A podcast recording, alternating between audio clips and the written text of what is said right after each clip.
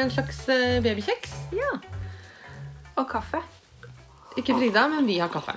Så vi er klare for å prate litt strikking. Åh, det var nydelig for alle som har headset på.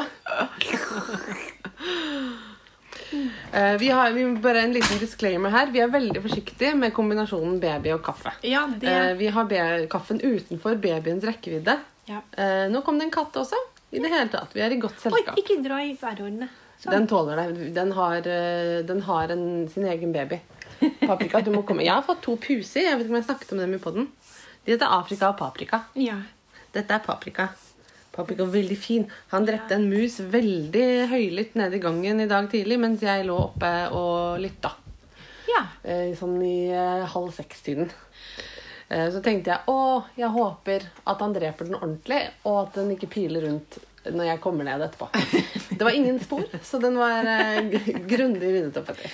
Det, jeg, tenker, jeg tenker to ting, da. Det ene er halv seks i morges. Ja, men da var jeg altså våken. Da satt jeg amma.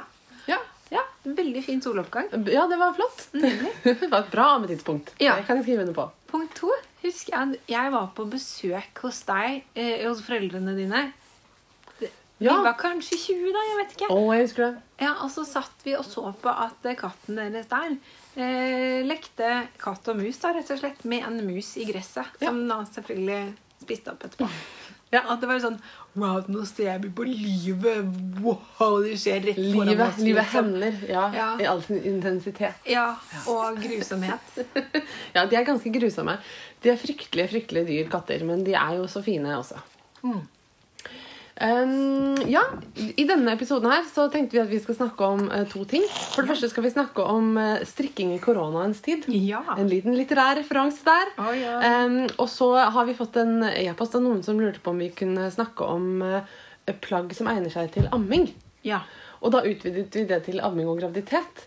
Ja. Og det er noe som noen er interessert i, og ikke alle er interessert i. Men vi driver og er interessert i det. Så da snakker vi om det. Men du, Marte, altså nå, eh, vi har jo sittet og prata en liten stund nå.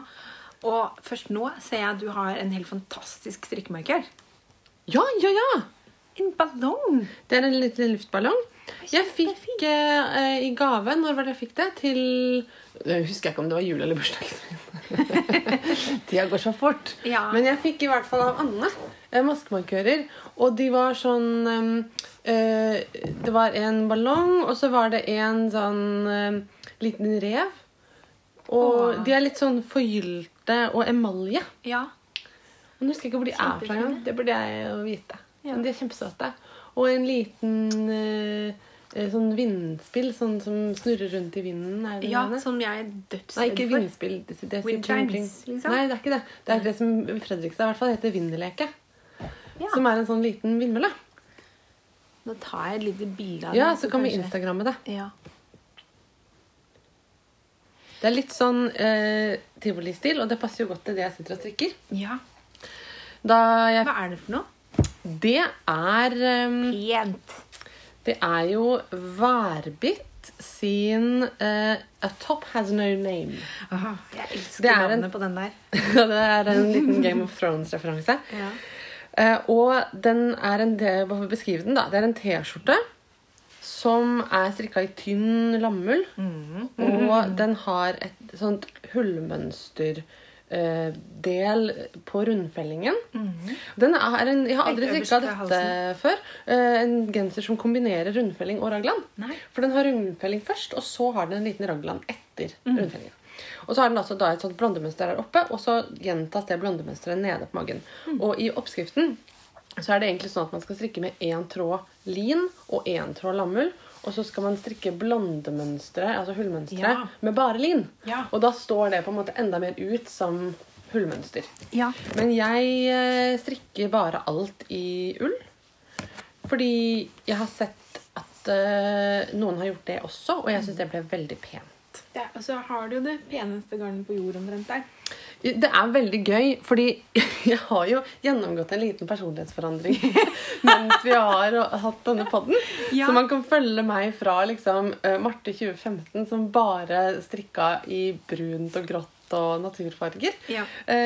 til nå hvor jeg bare strikker eh, fargefest. Ja. Da Pål ble født, så fikk jeg tespe av Laila i eh, barselgave. Mm. Med rauma lammull med et, Hva er det hun kaller det for? Strøssel. ja. Og det er det det ser ut som, for det er alle fargene Ja. i sånne splatter. Det er vel det du kanskje før kalte klovnespy? ja. Men bortsett fra at hun har en farge som heter Klovnesby også. Ja, hun har det, ja. Og den er jo mer sånn alle fargene overalt. Men denne Ja. her er definitivt en hvit bakgrunnsfarge. Ja. Eller den er ikke kritthvit, men sånn naturhvit. Med sånne spetter på. Og spettene er alle farger. Ja, den er kjempefin. Og jeg har faktisk fått være med Laila en gang og lage eh, Nå skal jeg ikke si Klovnesby. Eh, strøssel. Ja. Det er kjempegøy. Hun har vist meg hvordan man gjør det. Hun tar en sånn ehm, Pipette, sant? Drypper. Ja, altså hun bruker jo syrefarger som er eh, flytende. Mm. Og så legger du garnet da Det må bli skikkelig kjempevått, sa hun. Og så bruker hun sånne sprøyter med uten sprøytespiss. Så hun Ja. suger opp liksom nøyaktig mengde farge. Og så Kult. tapp, tapp, tapp, tapp, tapp. Lager eh, dråper, da. Eh, Fantastisk. på garnet i dette her. Ja. Ja, og det som er så deilig med det, er at det, altså, pooling er et ikke-problem eh, her. For Mm. Det er uh, helt vilkårlige spetter overalt. ikke Ja. sant? Så det blir bare sånne sm- Det ser ut som noen har tatt en uh, hvit T-skjorte og så bare kasta maling på. ikke Ja. sant? Og det blir ganske kult. Jeg tenker at jeg skal kombinere dette med jeans eksempel, med Ja. ganske god effekt.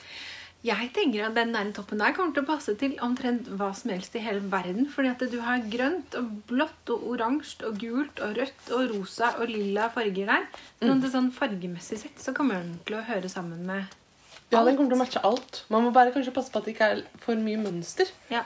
Jeg har litt sånn tendens til å ha sånn eh, mønster og, og tusen farger på alt. Så noen ganger blir kombinasjonen litt sånn Oi! Det var det der statement-plagg-greia. ja. Jo, jo, men altså er det gjennomført nok, så er det jo Så syns jeg det bare blir bra, jeg. Ja. Ja. Da Og- er det din stil, liksom. ja. Apropos statement-plagg, Ja.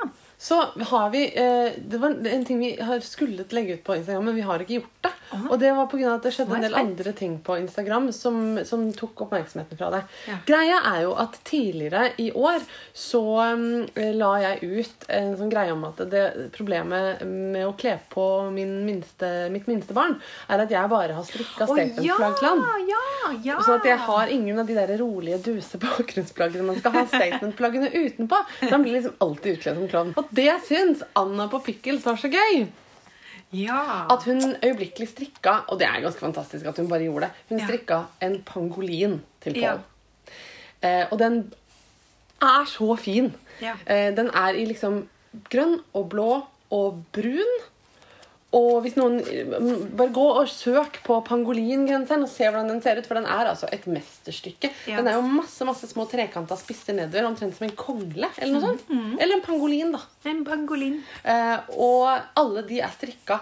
Og den har, har en, det er det jeg er mest imponert over, er at alle de har en tråd i enden som må festes. Altså, herregud, for en jobb. Ja. Eh, og den er, eh, fikk Pål når han var sånn tre-fire måneder. Og den passa helt fantastisk. Og et av de plaggene vi har brukt mest. Og så tenkte jeg nå at Påls pangolin er jo for fin til å bli pakket ned. Jeg skal ikke ha flere barn, så jeg kan ikke bare ha den på loftet. liksom. Så den må jo få leve videre, ikke minst på Instagram. Ja. Så nå har vi eh, forært den til Frida. Ja. Vi har en liten foræringsvideo som jeg tenker vi kan dele dele på et eller annet tidspunkt. Det må vi gjøre. Og så eh, håper jeg at, eh, at eh, du tagger den, Marte, når du legger den ut med hashtag Pålspangolin. Ja. Og det som er altså at det, nå har jo den, Frida hun er jo da født litt andre, annen tid på året enn eh, Pål. Ja, Så det har jo vært kjempevarmt. ja så Nå. Den har vel egentlig passa en stund allerede. Den har nok passa en stund allerede, og jeg tror kanskje at den snart begynner å bli for liten. Men det vi da tenkte, var at den kan ikke bli liggende i en skap hos meg heller. Den må få vandre videre. Ja. Så derfor så er vi på utkikk etter folk som da har eh, barn, eller kommer til å få barn. Ja. eh, som eh, når de er tre måneder da, omtrent, eh, kan få overta Pauls pangolin Mm. Ja. og fortsette å tagge med Pauls pangolin. Ja. Sånn at denne jakka kan få lov til å leve på, på Instagram på, i fremtiden. Og bli godt brukt. Ja, helst til den bare er eh, tråder igjen av. Ja. Kult! Ja. Vi tar, vi tar eh, resten av den tråden på Instagram, tenker jeg. ja. Men ja, det er det. Oi, der kom den endelig inn i munnen. Denne babykjeksen, ja. Mm. Oi, det var godt, det. Mm. Jeg strikker altså på denne T-skjorta, og det er det, det eneste jeg strikker på nå. Nei, jeg strikker også på en hals Ja. som heter Beam, og som jeg har strikka før. Den er designa av en som på Instagram heter Play Sweet Music.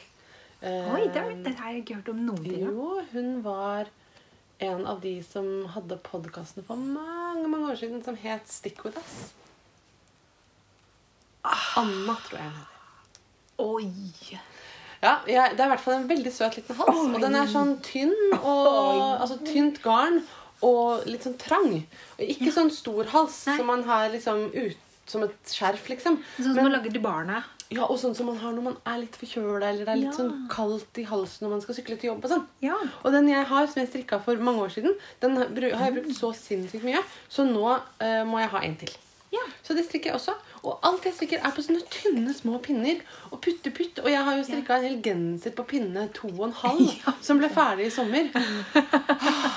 Altså det var, Jeg la opp til den dagen før jeg dro på sykehuset for å føde. Så tenkte jeg jo at det skulle være fint å ha strikke på i barsel. Fordi at det bare var rettstrikk rett fram.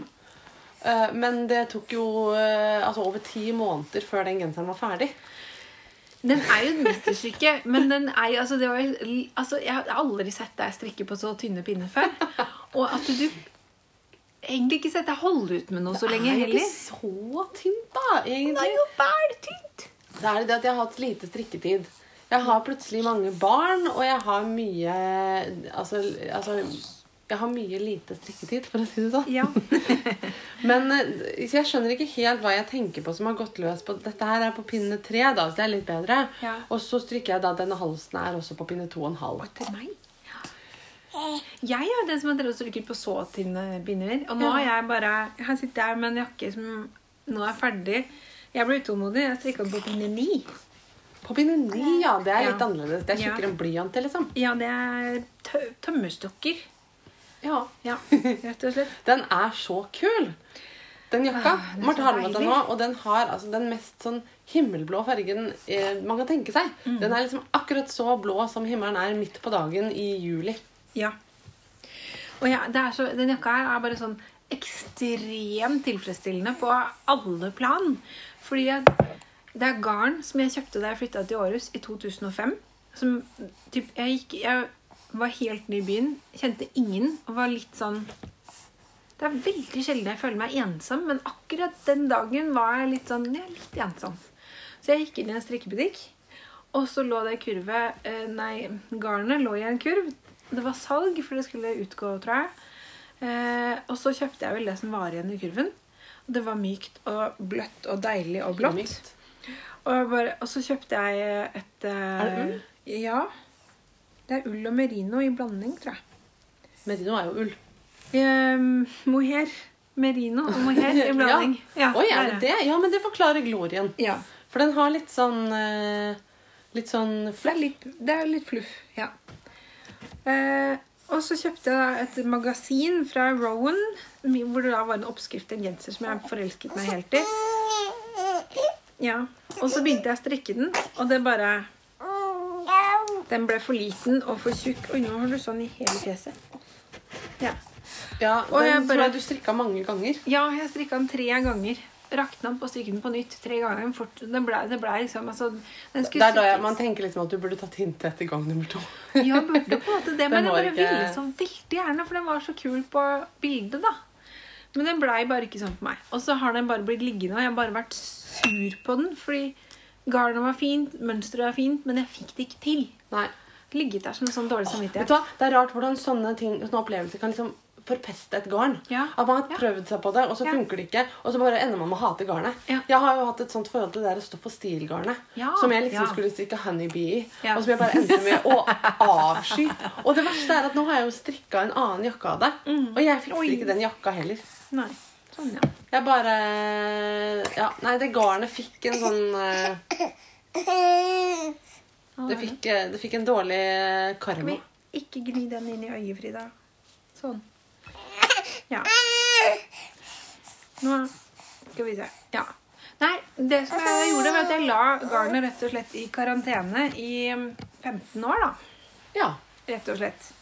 Da, var det liksom, da klarte jeg å ta tak i det på, på nytt. Og så eh, har det nå blitt en jakke som er altså, myk og lang. Og den er strikka på pinne 9 i, i riller.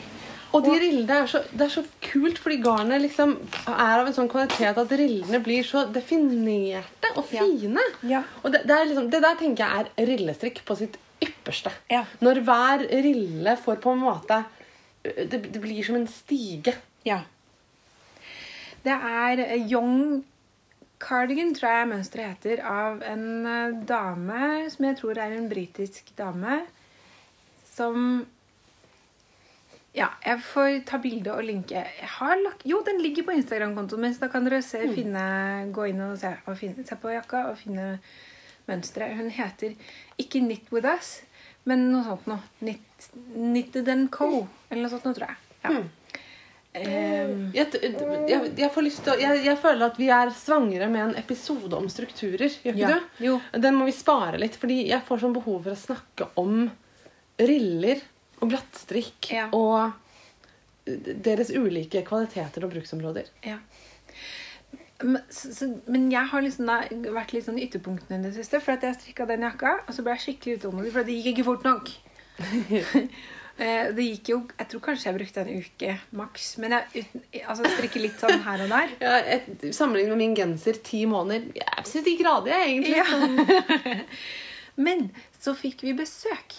Jeg skal ikke si av hvem og hvor de kommer fra, men eh, jeg har hatt et svært eh, høyt indre nivå av stress. Og jeg mista, etter den jakka her, så mista jeg strikkemojoen.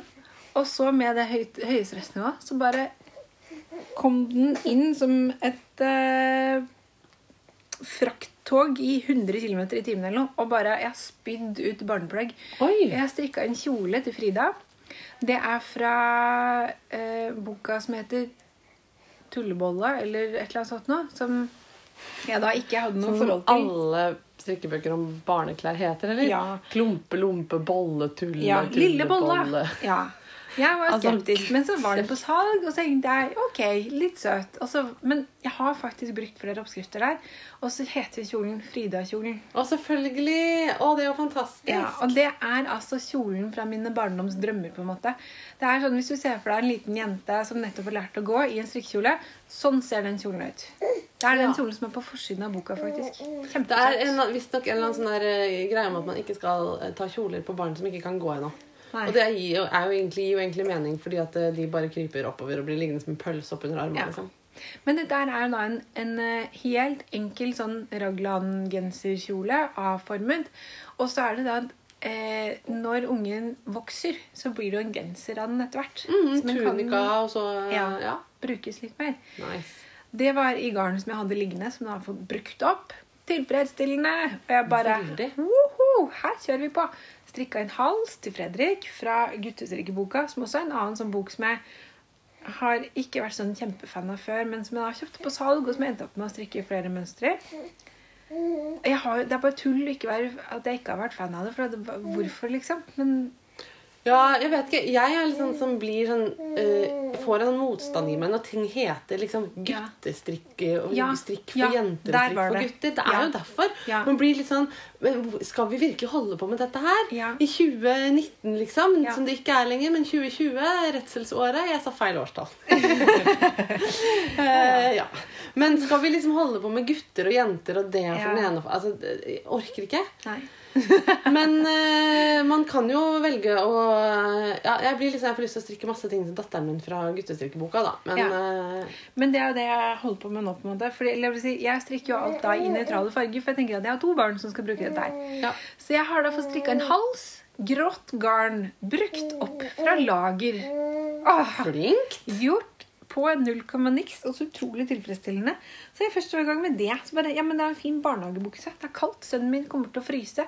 Og jeg har garn liggende. Men Marte, du er sånn nå om dagen som jeg vil være. For jeg har nemlig et sånt ekstremt strikkebehov og en enorm strikke liksom, mojo. Ja. En driv. Jeg tenker på strikking hele tiden. Har liksom, det er så mange plagg som jeg vil strikke, og som bare ligger i fingrene. skjønner Ja, du? Jeg vil bare ha ja, de ut av hendene mine. Jeg. Og jeg, har, jeg, jeg får jo pokker ikke strikka. Nei. Jeg strikker alt jeg kan, og det er ikke mye. Nei. Så det kryper nedover magen på denne T-skjorta her. Og så eh, jeg kjøpte jeg til og med en oppskrift i affekt i går. Altså, skjønner Ja, men det har jeg også gjort med huset. Ja. Ja, I håp om at man jeg har, strik, det har jeg, kjøpt, jeg har kjøpt oppskrifter på sånne lange, store strikkejakker. Gjerne oh, tynt garn. jeg. Men greit, jeg har masse eh, prosjekter som på en måte har garn og en plan. Ja. Og de ligger i skapet, og jeg Ja. vet hva de skal bli. Og det er bare å gjøre det. Men jeg har ikke tiden. Nei. Og det er så frustrerende. Og mye av det er liksom topper jeg hadde tenkt å strikke til i sommer, og nå er det høst. Liksom. ja. Men de blir ferdige til neste sommer. Ja, pluss at, eh, som jeg kommenterte på en tråd på Instagram i går Man kan bruke singleter hele året. Ja. Man kan bare ha en kardigan over. Jeg bruker singleter hele året fordi at jeg er litt sånn kald av meg. Så jeg har det Ja, under andre gensere. ikke sant? Ja, og jeg er egentlig ikke så kald av meg, men da kan man jo bare gå med det inne, liksom. Nå er jeg bare så ekstremt fornøyd, fordi denne, nå har jeg jo buksa som jeg holder på med, da, på pinne tre. Altså, jeg begynte i forgårs. Og det jeg sier Nesten irritert. Ja. Det er på Du har strikka like mye siden i forgårs som jeg da har gjort de siste tre ukene. skjønner du? Ja. Men det er jo fordi at jeg da har besøk som eh, Jeg har en gutt som da endelig har begynt i barnehagen. Og så har jeg besøk som er veldig opptatt av den andre babyen jeg har. Så når jeg ikke ammer, så kan jeg da strikke. Og så er jeg så stressa, så jeg bare brrr, Det går i 500 km i timen når jeg strikker. Ja. Det er glattstrikk òg, da. Men jeg får brukt opp lagergarn. Altså, jeg, bare, jeg kan ikke få sagt hvor tilfredsstillende det er. Nei, det er veldig det er veldig ålreit. Jeg har flytta garnlageret mitt ned i kjelleren. I plastbokser. Ja. Eh, Men det er bare type det garnet som ikke har en plan. Ja. Eh, Og inni det skapet der så ligger det garnet som har en plan. Ja. Eh, Fordi at det er jo bare rett rundt hjørnet at jeg skal få gjort noe med hele tiden. ja. til enhver tid. Og den, jeg hadde jo en liten avstemning på Instagram om jeg skulle strikke favorittgenseren eh, fra eh, den norske strikkeboka. Ja. Eller om jeg skulle strikke Å, ja. Marius-genser Ja. av det fantastiske ja. askgarnet som er helt eh, plantefarga og bl.a. Mm. veidefarget fra vikingmarkedet og i det hele tatt. Og jeg er så klar til å begynne på den genseren, men jeg har jo fortsatt ikke fått begynt på den genseren. Og Nei. vet du hva som er enda verre? Det ble jo 50-50 på avstemningen, så jeg har fortsatt ikke bestemt meg for hvilket mønster heller.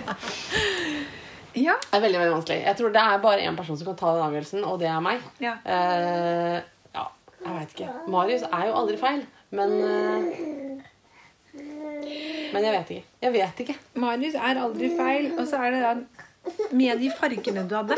Ja. Ok. Marius er Må vi ta en pause og sove, Frida? Ja. Det er egentlig en tomannspod, Frida. Du er med på nåde. Ja. Skjønner du? Det er skjerpings nå. Dog. Nå har altså Frida litt sånn hisjekjeks utover hele fjeset, og så har hun litt eh, melk utover hele fjeset. Det høres ut som et veldig godt utgangspunkt for en, eh, for en eh, god lur. Ja.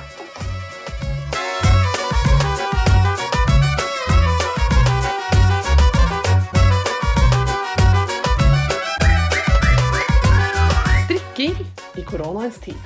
Uh, Vi er tilbake uten, eh, uten Frida.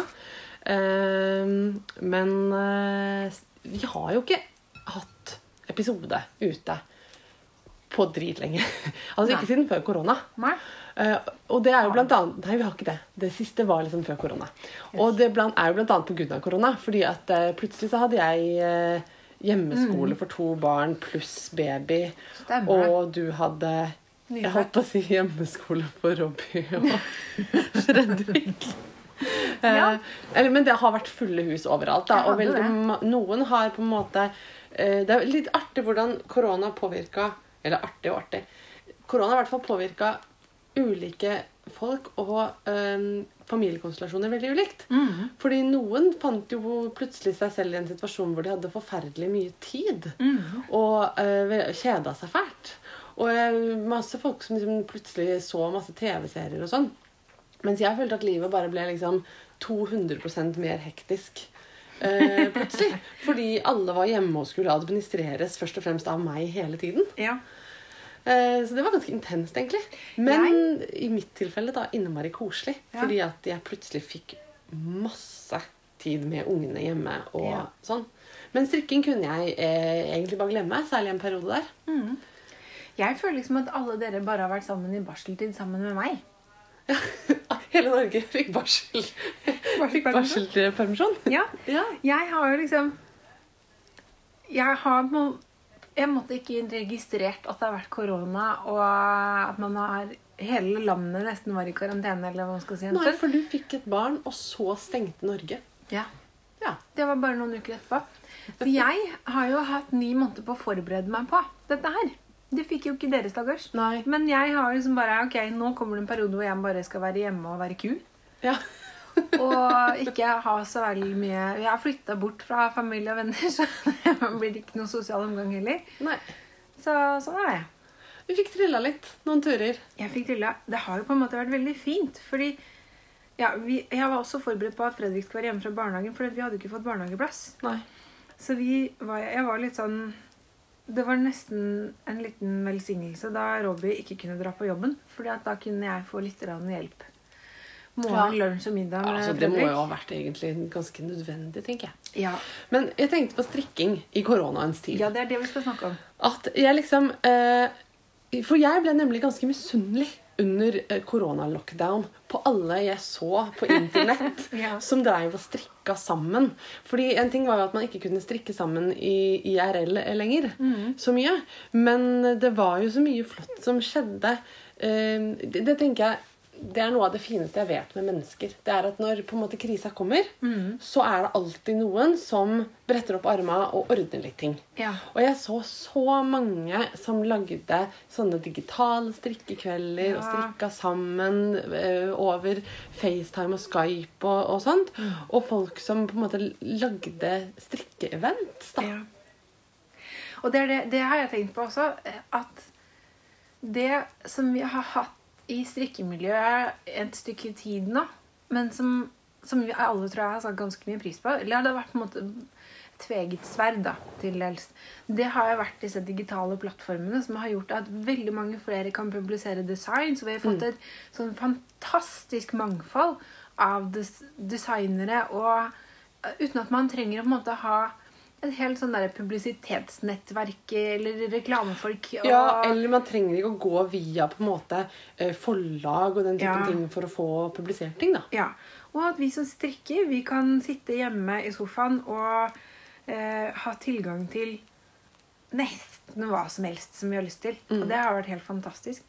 Og nå med koronaen så har det på en måte bare blitt enda mer. Ja, og jeg tenker, Er det noe korona har lært oss, både sånn i strikkeverdenen og, og på jobb, på jobben min f.eks., er at altså, man kan klare ganske mye uh, via det digitale. Eh, jeg håper at eh, en del arbeidsplasser, inkludert min egen, kanskje skjønner at det er en del møtevirksomhet som kan løses vel så effektivt eh, via Zoom. ja.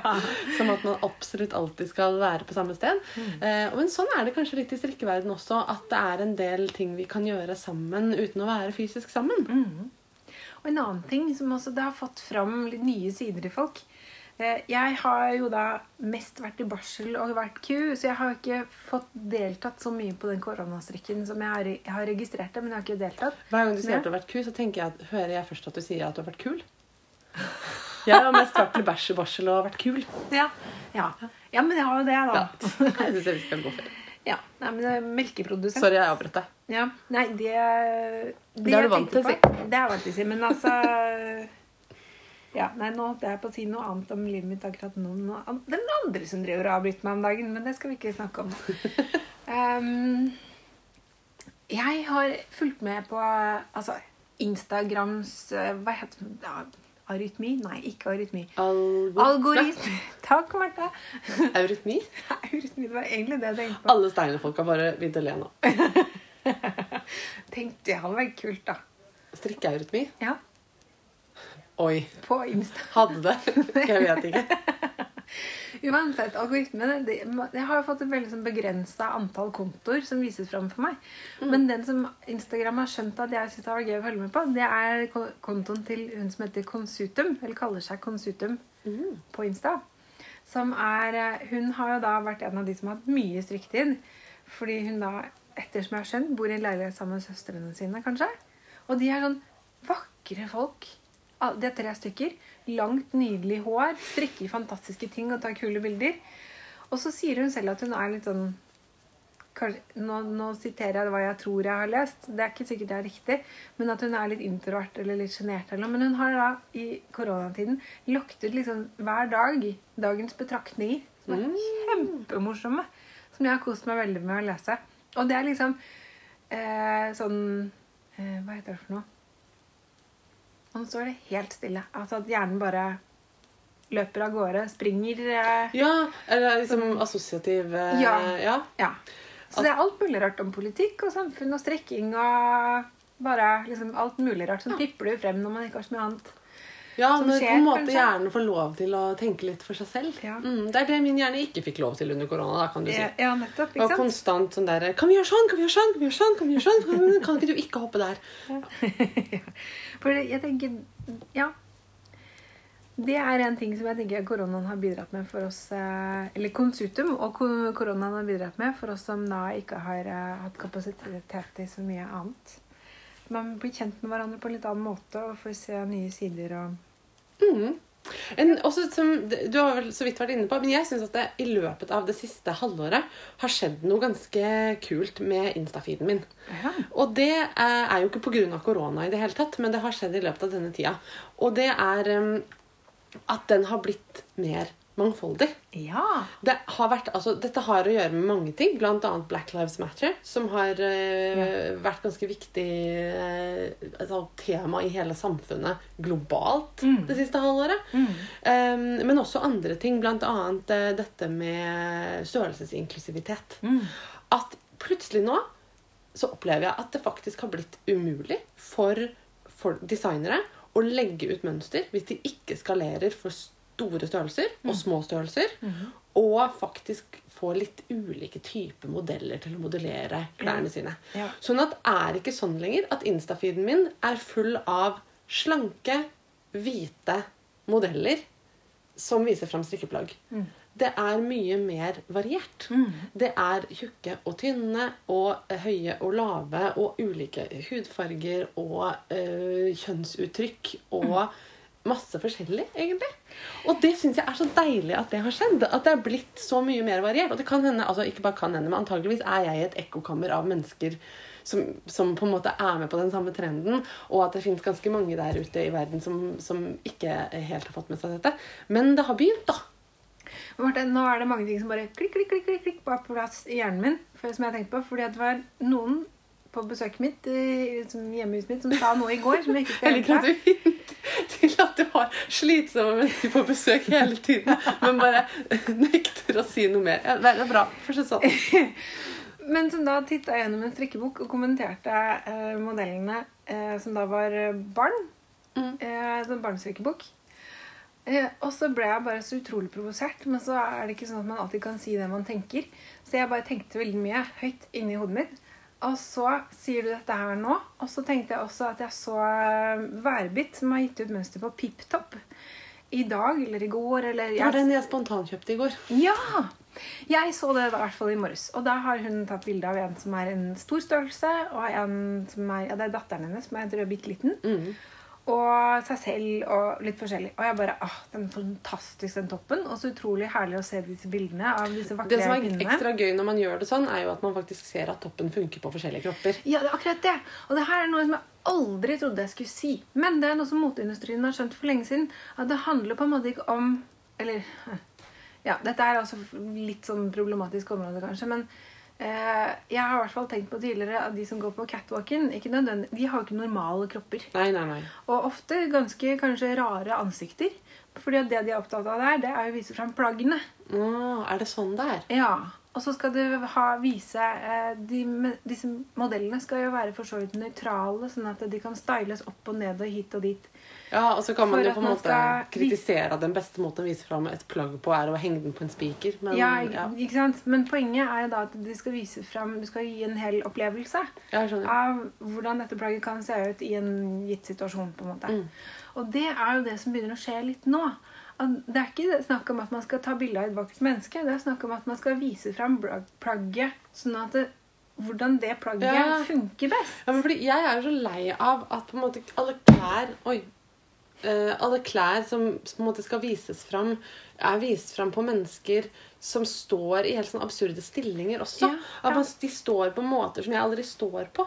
Og at man, det blir helt sånn ikke-representativt for hvordan jeg har på meg et plagg. Jeg vil jo se ekte mennesker som har på seg plagget mens de gjør ekte ting. Ja. Det er jo da jeg ser om plagget funker. Er Sånn som vi har snakka om det i den Marius-episoden vår, da, hvor du snakka om den der eh, eh, Tunikaen. Ja. som funker helt fint hvis du står helt stille og lener deg mot eh, en dørkarm. Ja. Men med en gang du skal ta ned en kopp som står øverst i skapet, så bare bulker og krøller hele toppen seg opp mot haka, liksom. Ja. Fordi at den rundfellingen ikke funker. Ja.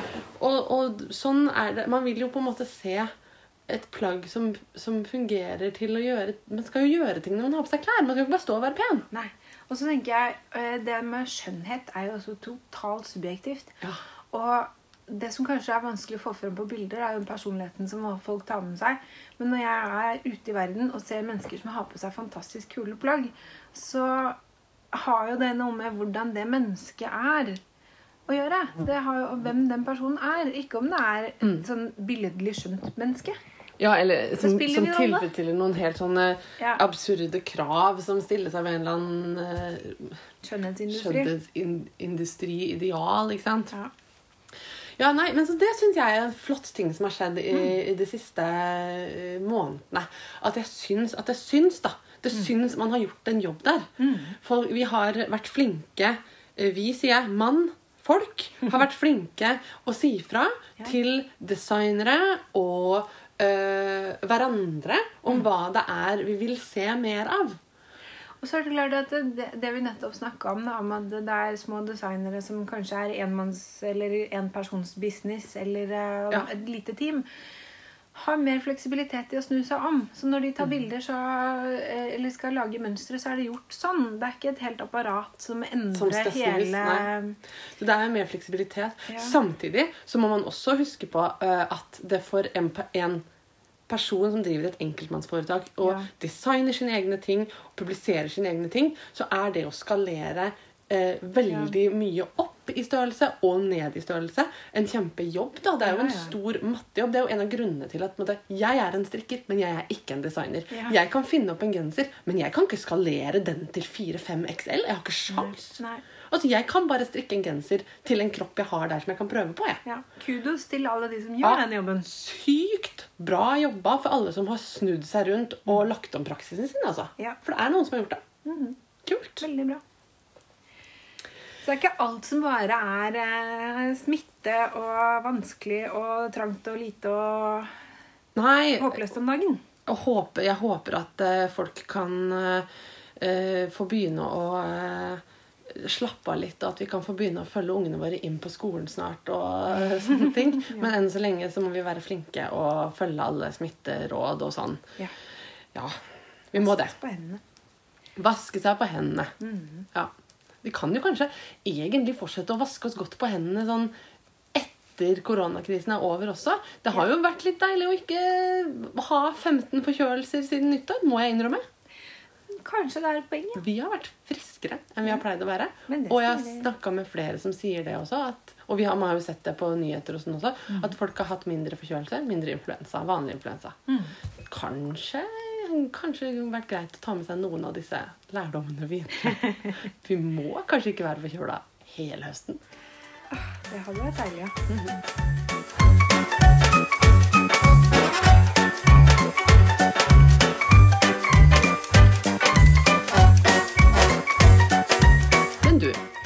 fikk en e-post noen som eh, lurte på om vi hadde, siden vi er eh, i ammegamet begge Ja. to, Ja. om vi hadde gode tips til hva man kan eh, eh, strikke Ja. som egner seg for amming. Ja. Det har vi jo litt meninger om. Jeg kjente at jeg øyeblikkelig boblet over av tips. Jeg eh, begynte da selvfølgelig eh, Fordi jeg er ikke så veldig god på å ta imot oppgaver sånn og svare Jeg svarer jo det første jeg tenker på. Som da Det tar seg noen snirkel, opp i hjernen min noen ganger. Så jeg begynte med gravidplagg. Ja. Eh, og jeg så jo da etter hvert som jeg begynte å skrive ned liste, at de gravidplaggene er jo overhodet ikke ammevennlige. Nei, og Det det, er er litt synd. Fordi at på en måte så er det sånn at øh, når, I hvert fall jeg, når jeg akkurat har født, så, så har jeg en litt annen kropp enn jeg har øh, ellers. Jeg har født en, to ganger nå, og, og begge gangene så er jeg større ganske lenge etter fødselen. Åh, kan jeg få si noe der? Ja. Det, åh, fy fader Ulland. Det er noe som jeg plutselig har oppdaget. Åh, Instagram. Takk. Igjen. Altså, fordi der er det da en dame som Tja. Engelskspråklig land. Tør ikke si hvilket. Jeg husker ikke hva dama heter engang. Men hun, har, hun er veldig morsom. Hun er vakker, nydelig, flott dame som har vært kroppsbygger. Og som da legger ut masse bikinibilder av seg selv. Og jeg bare på den der utforskerdelen på Instagram bare Jøss, hva er det her for noe? Klikka inn, og så leste jeg en sånn tekst som bare Åh, Skuldrene senka seg litt med en gang. Hun er da opptatt av å som avkrefte myter og hele det der kroppshysteriet. Så hun bare Jeg hadde en helt fantastisk kropp. Jeg hadde det helt totalt elendig. Sånn ser jeg ut nå. Og hun ser fortsatt helt fantastisk ut. Men hun har, altså, hun har litt grann cellulitter, kanskje. Og det som skjer liksom når du setter deg ned, rumpa sklir litt ut. Sånne ting tar hun bilder av og legger ut. Hun bare Hei, se på meg. Dette er normalt. Ja, og det er jo Og det som er normalt. Ja, ikke sant? Så er det bilde av henne i en eller annen sånn kroppsbyggerpositur hvor hun bare 'Jeg hadde det ikke bra. Det er ikke normalt.' Mm.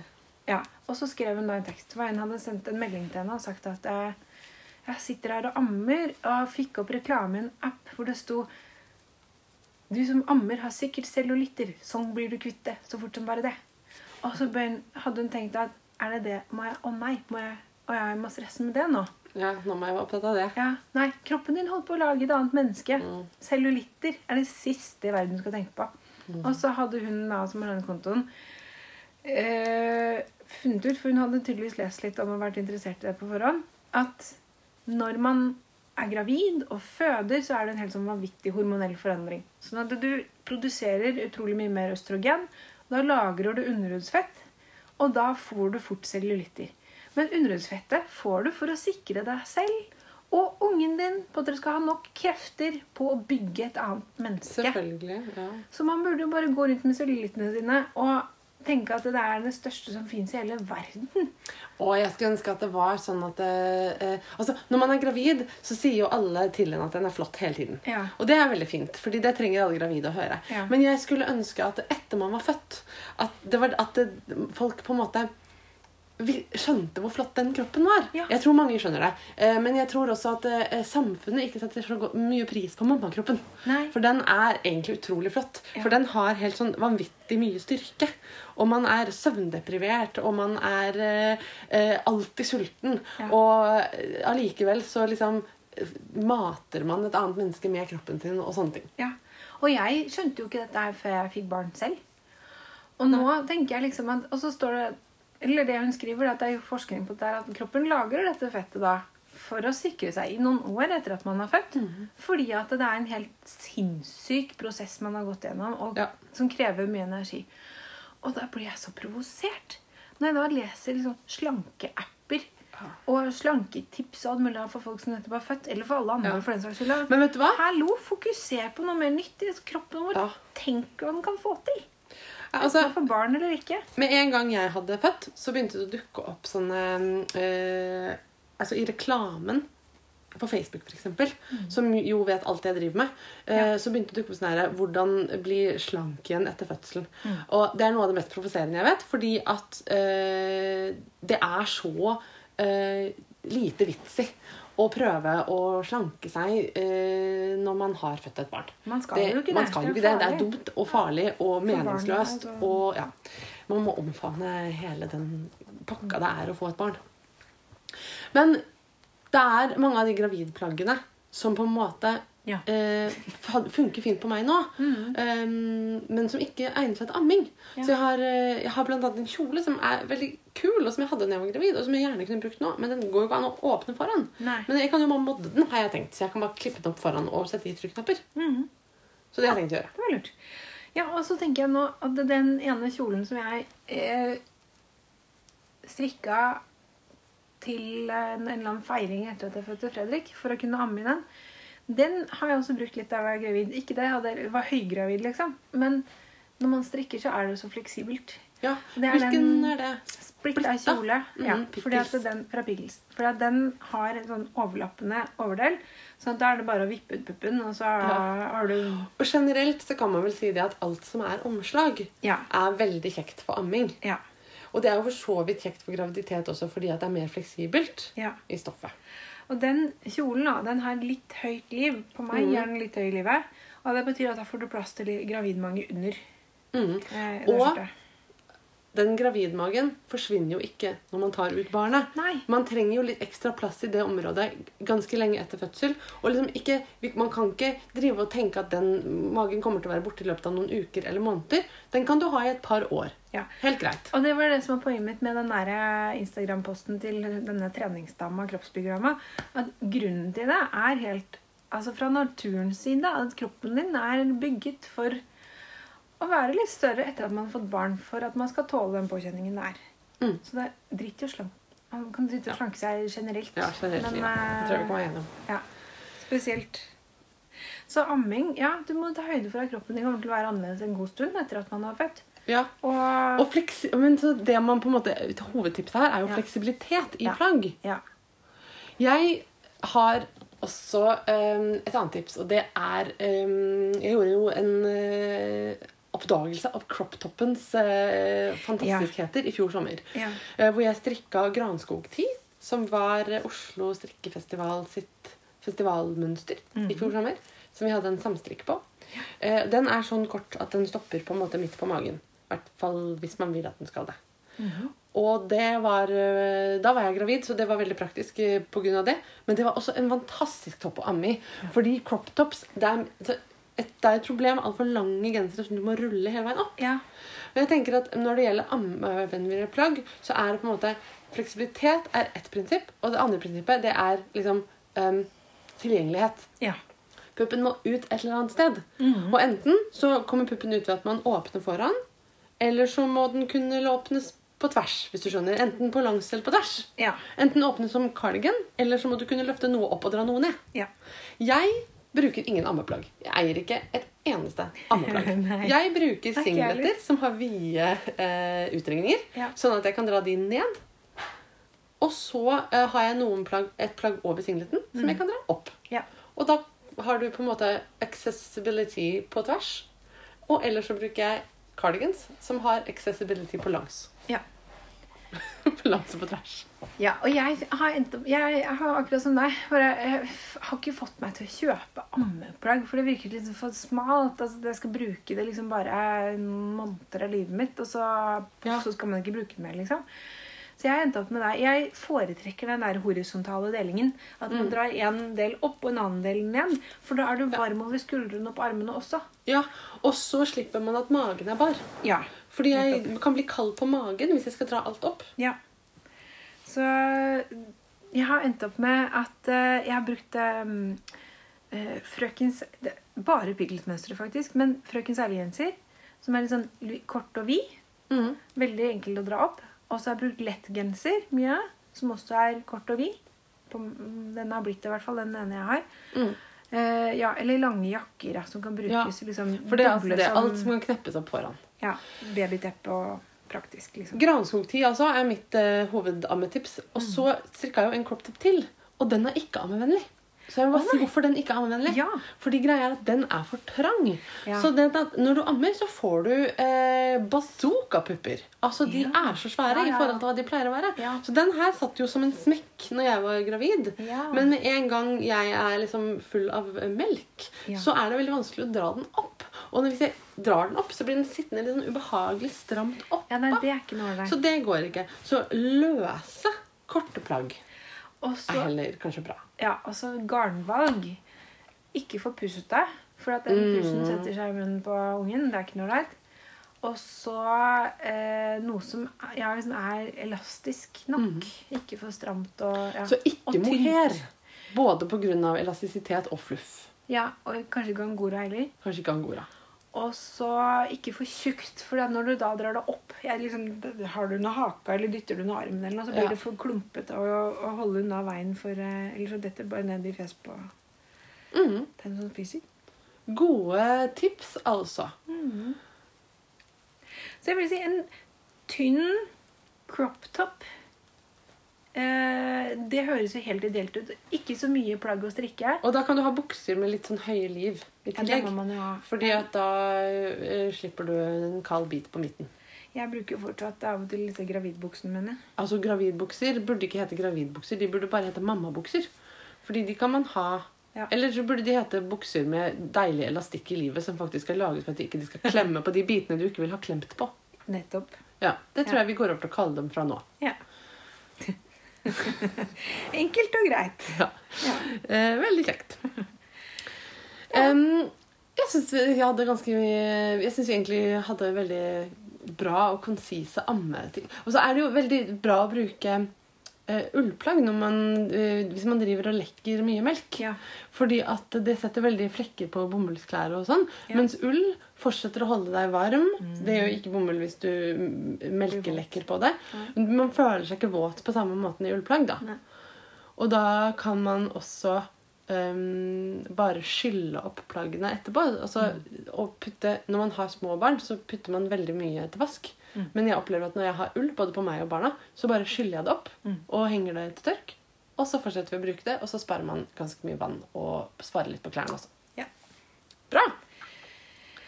Hvis det er noen som har noe mer spørsmål, så hører dere kanskje på eh, entusiasmenivået vårt her at vi har eh, mye å mene og si, så det er bare å spørre oss. Ja. Eh,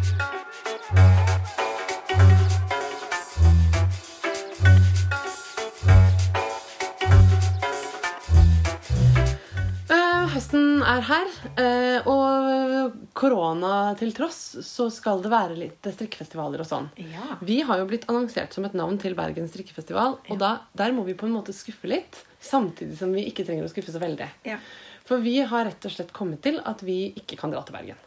Og det har å gjøre med eh, både korona og små barn. -hmm. blant annet er det sånn at eh, Vy, som eh, Sporveien plutselig heter, ikke Sporveien eh, NSB, det heter plutselig Vy. Eh, og da de har bestemt seg for at de ikke skal kjøre nattog.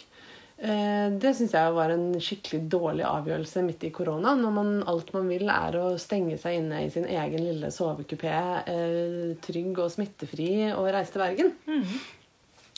Men det ble rett og slett litt for lenge for meg å dra fra mitt siste barn. Jeg orka ikke det. Nei. Jeg klarer ikke det. Jeg, og det har jeg bestemt meg for. Det får jeg lov til. Ja.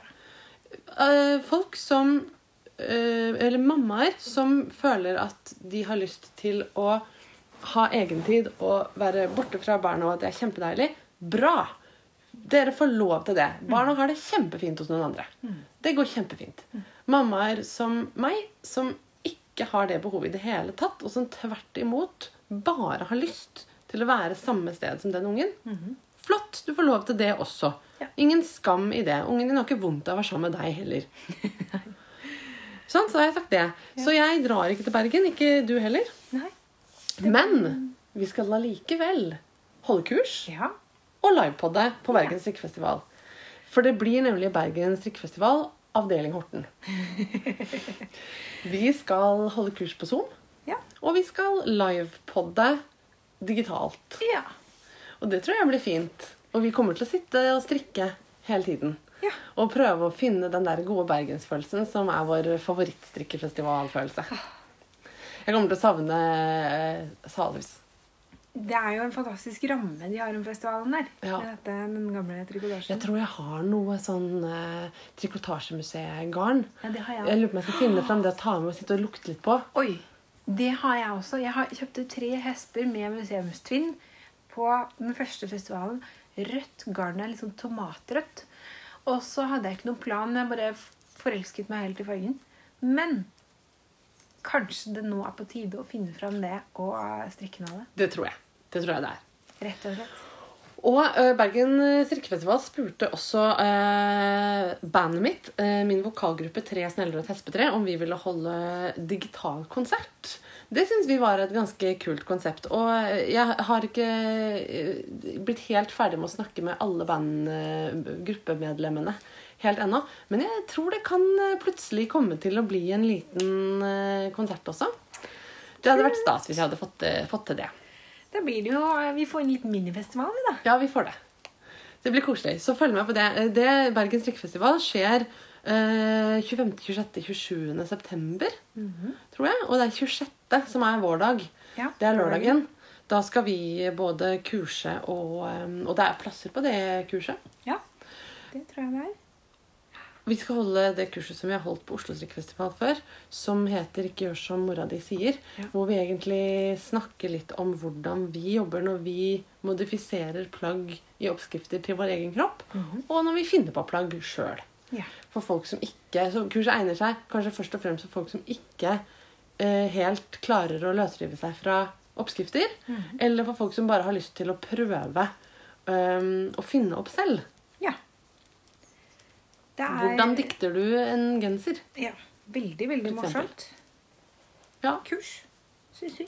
ja jeg syns det.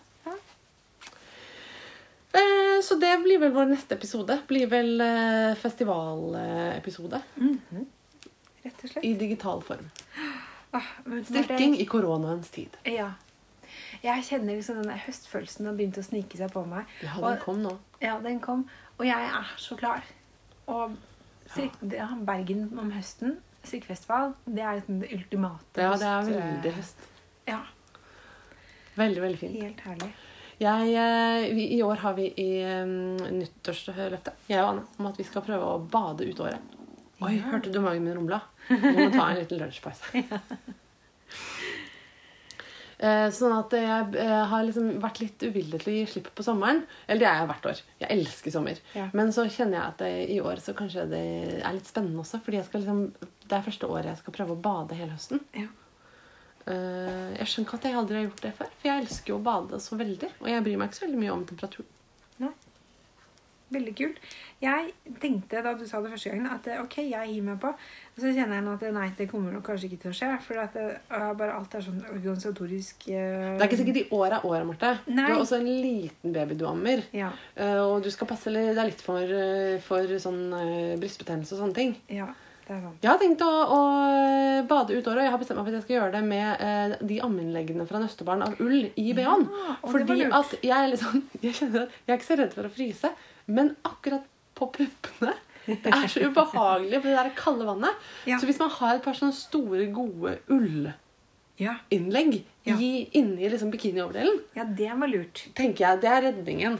Det var lurt. Kanskje etter hvert at jeg kan strikke meg en hel badedrakt i ull med litt sånn Ja. bein og armer. Genialt. Dette blir spennende. det. Jeg tror det sistnevnte ikke kommer til å skje. Men eh, store ullaminnlegg kommer definitivt til å skje. Ja. Eh, ja. Så må jeg bare passe på å skylle de i ferskvann, så ikke de blir liksom helt sånn saltvannifiserte. Ja. Mm. Nå, jeg, jeg, nå felte jeg av buksa som barn, barnehagen Ja, Og så tar du den opp igjen. Ja, for den ble jo ikke elastisk nok. Å, Så nå må, nå må jeg finne en eller annen måte å felle av det beinet på. Så det blir Hvordan eh, feller du av når du feller elastisk? da? Det er det de klarer aldri å huske det fra gang til gang. Men jeg husker en sånn Du- kast. Ja, det sånn, Den blir veldig elastisk. Da gjør du sånn at du strikker en Ja. maske, og så Ja. tar du et kast. Ja, Og så strikker du en maske til, Ja. og så løfter du kastet over, og så løfter du maska over. ja. For da, da får du dobbelt så mye tråd i Ja. hver avfelling, ikke sant? Men når jeg da har ribbestrikk, Ja. eh, følger du bare av i rett, eller bare Jeg har pleid å bare felle av i rett uansett, fordi at den legger seg på en måte som en sånn um, stripe Ja. På tvers. Eller hva heter det? Jeg, jeg føler at jeg sier på tvers og på langs helt sånn randomly i hele denne episoden. Men eh, ja. ja. Men da fikk vi litt lite tips på tampen her. Ja, eh, det, man kan også gjøre et kast på annenhver hvis man syns den blir for elastisk. For jeg har opplevd noen ganger at den blir litt sånn der, slapp. Ja. Man kan, gjøre, eh, man kan jo også bare prøve å felle av å være litt raus med garn, garnet. da. Ja, Men det syns jeg er vanskelig å få det jevnt nok og pent, liksom. Ja, Og dette er nederst på buksekanten. Det er veldig dumt hvis den blir sånn stram. Ja, altså Han gutten som skal bruke den, han bryr seg jo ikke en filla om klær. Så han bare stikker hodet gjennom der, eller hva det skal være. Ja. som han finner ut han Nei, men jeg tenker at hvis du tar et kast øh, på hver, mm, hver avfelling, mm, Ja. hver maske, liksom, Mm. og så at du prøver å da ikke være for raus. Men kan jeg ikke da Nå har jeg en maske, kast en maske, og så skal jeg ta over. Kan jeg ikke ta kastet og masken over samtidig? Må jeg ta det ene av hver? Først kaste over, og så neste maske? Prøv begge deler. Ja. Kanskje det går fint an å bare ta de over sammen? Jeg tror jeg har gjort Det, det. det må jo bli nøyaktig det samme. Ja. Jeg tror jeg har gjort det når jeg har gjort dette før. Jeg tror det funker, jeg. Ja. Sånn at du, tar, du strikker en maske, og så tar du et kast, og så strikker du en maske til. Og så løfter du kastet og maska over maska. Sammen, ja. Det eh, ser bra ut. Mm. Det var eh, Det funker. Det funker. Oi, det ser kjempefint ut. Ja, Ja, og da kan du bare strikke rett hele tiden. Jeg tror ikke det er noe vits i å felle av i rette og vrange masker da. Nei, det tror ikke jeg heller, faktisk. Niks. Litt tips på tampen der.